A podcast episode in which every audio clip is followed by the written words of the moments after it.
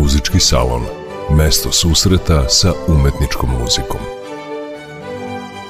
Muzički salon. Priče o klasičnoj muzici. Muzički salon.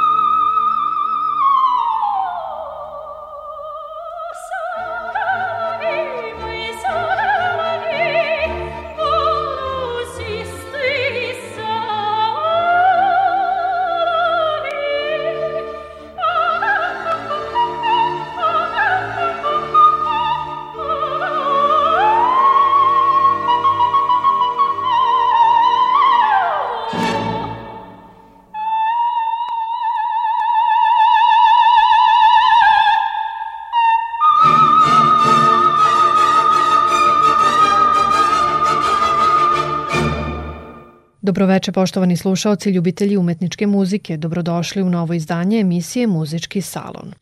Na početku čuli ste pesmu Slavuj Aleksandra Aljabjeva u izvođenju poljskog koloraturnog soprana Bogne Sokorske. Zbog zvonkog glasa i lakih visina, muzički svet je Sokorsku prozvao Varšavskim slavujem. Ja sam Jelena Glušica i u naredna dva susreta imaćete priliku da čujete odabrana dela u kojima se na različite načine opisuje pesma ptica u klasičnoj muzici. Ljudski glas uvek je na najlepši i najpribližniji način dočaravao tu lepu pojavu u kojoj uživamo u proleće.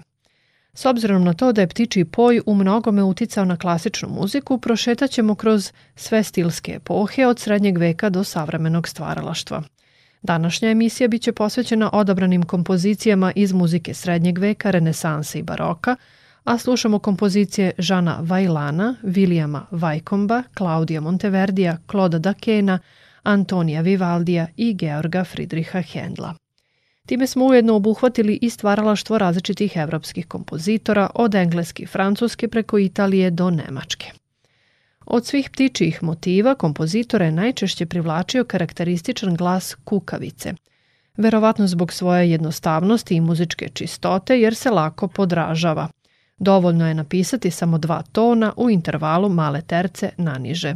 Takav motiv lako se ugrađuje u svako muzičko tkivo, a dovoljno je upečatljiv.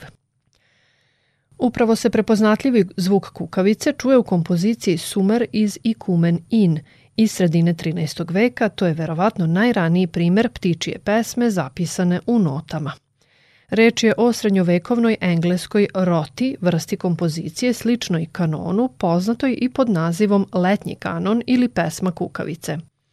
Naziv dela u prevodu sa staroengleskog znači stiže leto.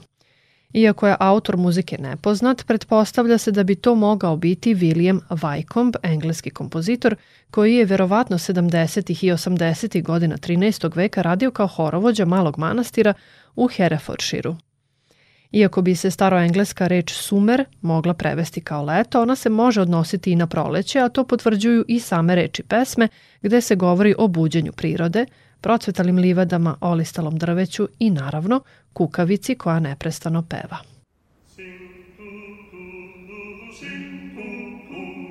Sommarhus i Kumlani, Jude sin kuku, Blået säden, blået med ett spring för våra Sin kuku, Aua blädet efter lomlos efter kalle ko, Ullet stärtet, bucke färtet, Myre sin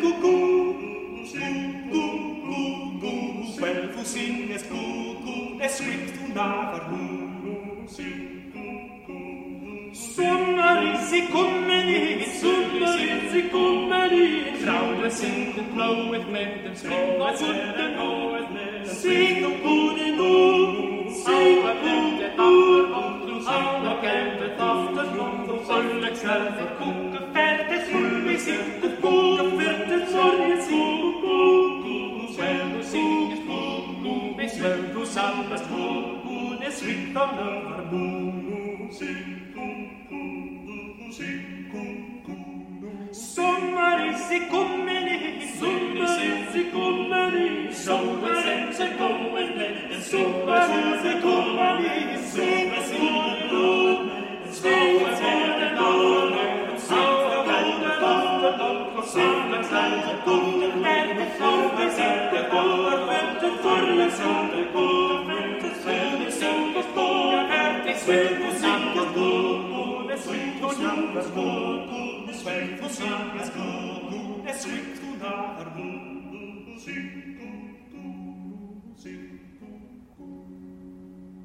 Kompoziciju Sumer iz Ikumen In iz repertoara engleske srednjovekovne muzike izveli su članovi ansambla Hilliard. To bi mogao biti najstariji primer imitacije ptičije pesme zapisane notama. Glas kukavice ste sigurno sam lako prepoznali. Muzikolozi Matthew Head i Susana Clark veruju da je pevanje ptica imalo veliki, zapravo nemerljiv uticaj na razvoj muzike. Ono je tokom istorije na kompozitore uticalo na nekoliko načina. Oni su mogli biti inspirisani pevanjem ptica, ali da ne pribegavaju imitaciji. Mogli su da oponašaju i stilizuju njihovu pesmu ili su mogli da uključe snimke ptičije pesme u svoje radove. Muzika ima značajne mogućnosti zvučnog opisivanja koja se kreće od doslovnog onomatopejskog podražavanja preko različitih stepena stilizacije do složenijih asocijacija. Zato se u umetničkoj muzici često govori o takozvanom tonskom slikanju. Zvučno podražavanje se naravno može primeniti samo na one van muzičke pojave koje se i same predstavljaju zvukom ili bar sadrže zvučnu komponentu kao jedan od bitnih činilaca, napominje naš ugledni kompozitor i muzički teoretičar Dejan Despić. Mnoge takve pojave mogu se veoma ubedljivo tonski predstaviti pretvaranjem u muzičke elemente, kao što su melodija, ritam, pokret ili sazvučje. Neki zvuci iz prirode su već sami po sebi muzika, upravo pevanje ptica, koje je nebrojeno puta inspirisala kompozitore – Najčešće je imitiran poj slavuja i kukavice, a među najranijim primerima su i kompozicije francuskog muzičara Žana Vajlana, koji je bio aktivan u drugoj polovini 14. veka. Pripadao je stilu ars subtilior, čije su osnovne karakteristike složenost ritma i notacije. Poznato je svega nekoliko njegovih dela koja se nalaze u rukopisu Chantilly, a upravo se u njegovom najpopularnijem komadu Parmante Foix pojavljuje imitacija pevanja ptica. O popularnosti te pesme znamo zahvaljujući brojnim kopijama u drugim rukopisnim izvorima tog vremena. Tekst donosi ne baš tako idiličnu priču o pevanju ptica u šumi jednog prolećnog dana koje primećuju da Slavoj ne želi sa njima da se druži pa odlučuju da ga napadnu. I ovde ćete lako prepoznati naturalističko ponašanje pesma ptica, iako slušamo kompoziciju u čisto instrumentalnoj verziji – Sviraju članovi ansambla Ala Francesca kojeg čine harfistkinja Brigitte Lesne i flautisti Pierre Ramon i Florence Jacquemart.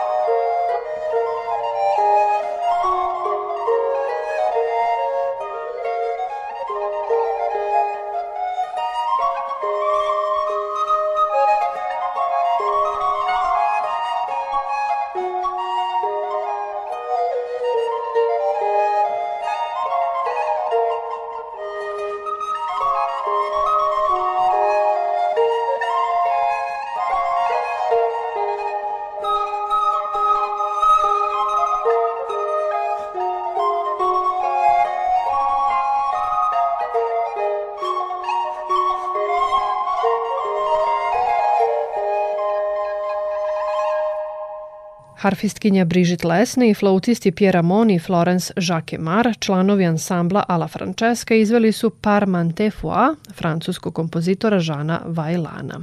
Tako zvuči jedna od najpoznatijih pesama s kraja 14. veka, ujedno jedan od najranijih primjera imitacije pevanja ptica u umetničkoj muzici. Naš hod kroz muzičku istoriju nastavlja se u epohi visoke renesanse, a iz engleskog i francuskog prelazimo na italijansko stvaralaštvo. Jedan od najprepoznatljivijih žanrova renesanse je madrigal, višeglasna svetovna vokalna kompozicija pisana na tekstove najznačajnijih književnika. Upravo u madrigalima često možemo čuti subtilne primere već spomenutog tonskog slikanja, zato što je renesansa iz ranijih epoha baštinila tradiciju po kojoj muzička umetnost ima retorički karakter čak i kada ne postoji književni tekst kao predložak kompozicije. Tako se u madrigalima neretko javljaju zanimljivi kompozicioni potezi kojima se muzikom dočarava neka van muzička pojava.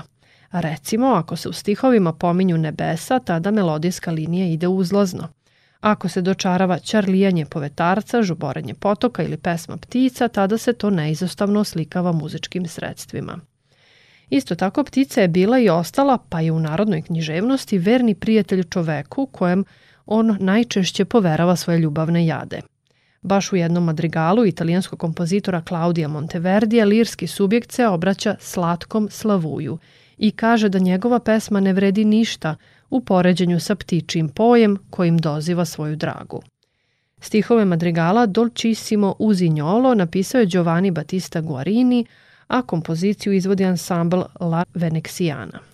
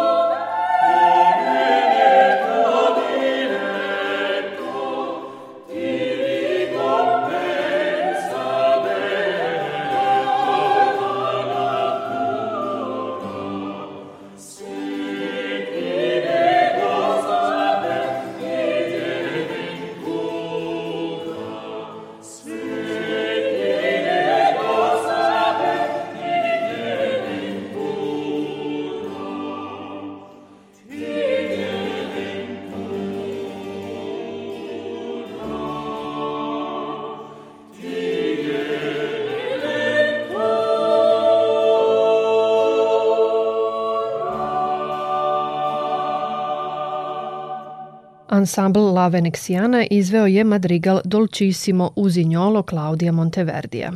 Iako kompozitor ovde nije dočaravao pesmu Ptica, ona se nalazi u samom centru pažnje pesnikovih stihova.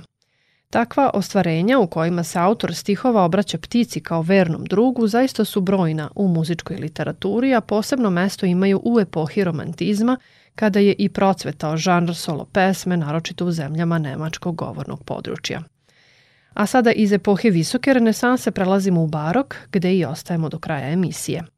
Ponovo biramo najpoznatije primere u kojima su kompozitori dočaravali pesmu ptica. Odlazimo ponovo do Francuske, ali prelazimo na instrumentalnu muziku namenjenu klavsenu, preteči klavira. Tadašnji kompozitori gajili su veliku sklonost prema komponovanju slikovitih minijatura svojevrsnih zvučnih sličica, a jedan od najupečatljivijih primera pronalazimo u opusu Kloda da Kena. Reč je o komadu Kukavica iz 1735. godine. U tom komadu skladno je spojen osnovni motiv, karakteristična stilizacija glasa kukavice sa čvrstim čisto muzičkim oblikom. Bez obzira na prisutan opis koji je lako uočljiv i veoma uspeo, da Kenov komad je i dalje pre svega muzika, a tek na drugom mestu i tonska slika ističe naš istaknuti muzički teoretičar Dejan Despić. To je svakako i zbog skromnijih zvučno-deskriptivnih mogućnosti klavsena, preteče klavira, omiljenog instrumenta francuskog baroka. Dakenovu kukavicu na klavsenu izvodi lik Bosežur.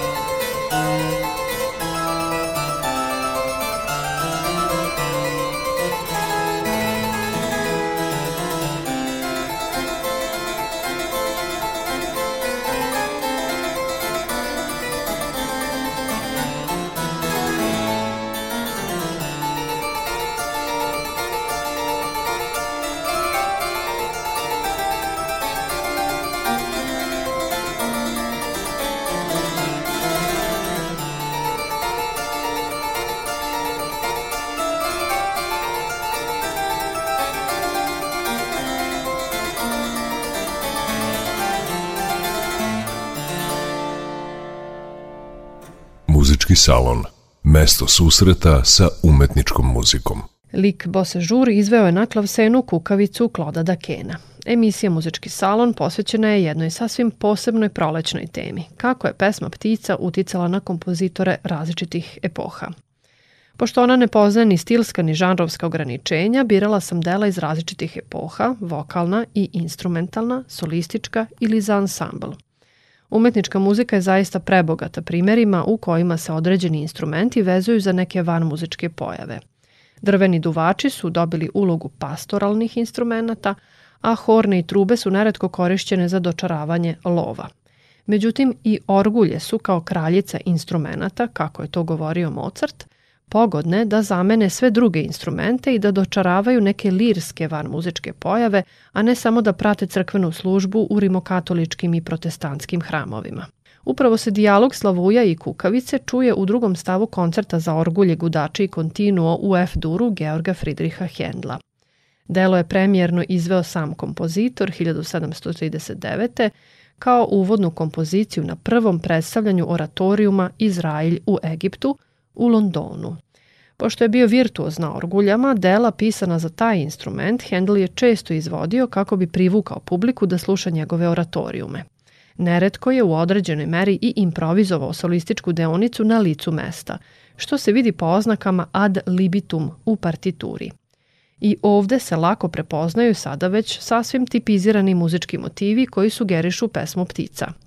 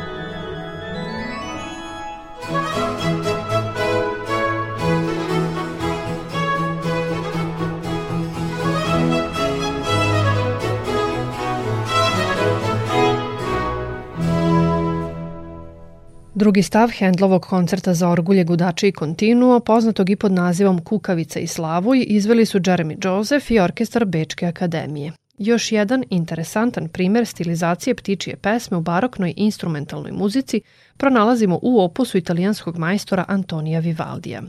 Reč je o koncertu za flautu, gudači i kontinuo opus 10 broj 3 u D duru nazvan Il Gardelino, što u prevodu znači češljugar – To je vrsta male ptice iz porodice zeba, a odlikuje ga lep izgled i naravno milozvučna pesma. I kod Vivaldija je, kao i u prethodnim primerima, muzički motiv proistekao iz stilizacije ptičije pesme, te on, osim kao opis neke van muzičke pojave, na slušaoca deluje prvenstveno kao građa za razvoj čisto muzičkog oblika. Poput mnogih drugih, i ovaj solistički koncert napisan je za devojke iz Venecijanske bolnice Milosrđa, gde je Vivaldi predavao muziku i pisao prigodne kompozicije za štićenice te ustanove. Jasno je, na osnovu tehničkih zahteva, da je delo namenio za jednu od svojih spretnijih učenica, a pesma Češljugara prepoznaje se na početku prvog stava kada flauta započne cvrkutavu solističku kadencu koja se potom pretvara u dijalog sa violinama. Tom kompozicijom ujedno i zaokružujemo današnje druženje uz umetničku muziku, a pevanju ptica i njenoj stilizaciji u kasnijim epohama, od klasicizma pa sve do savremenog stvaralaštva, vraćamo se u narednom izdanju muzičkog salona. Do tada ostanite uz prvi program Radio Novog Sada.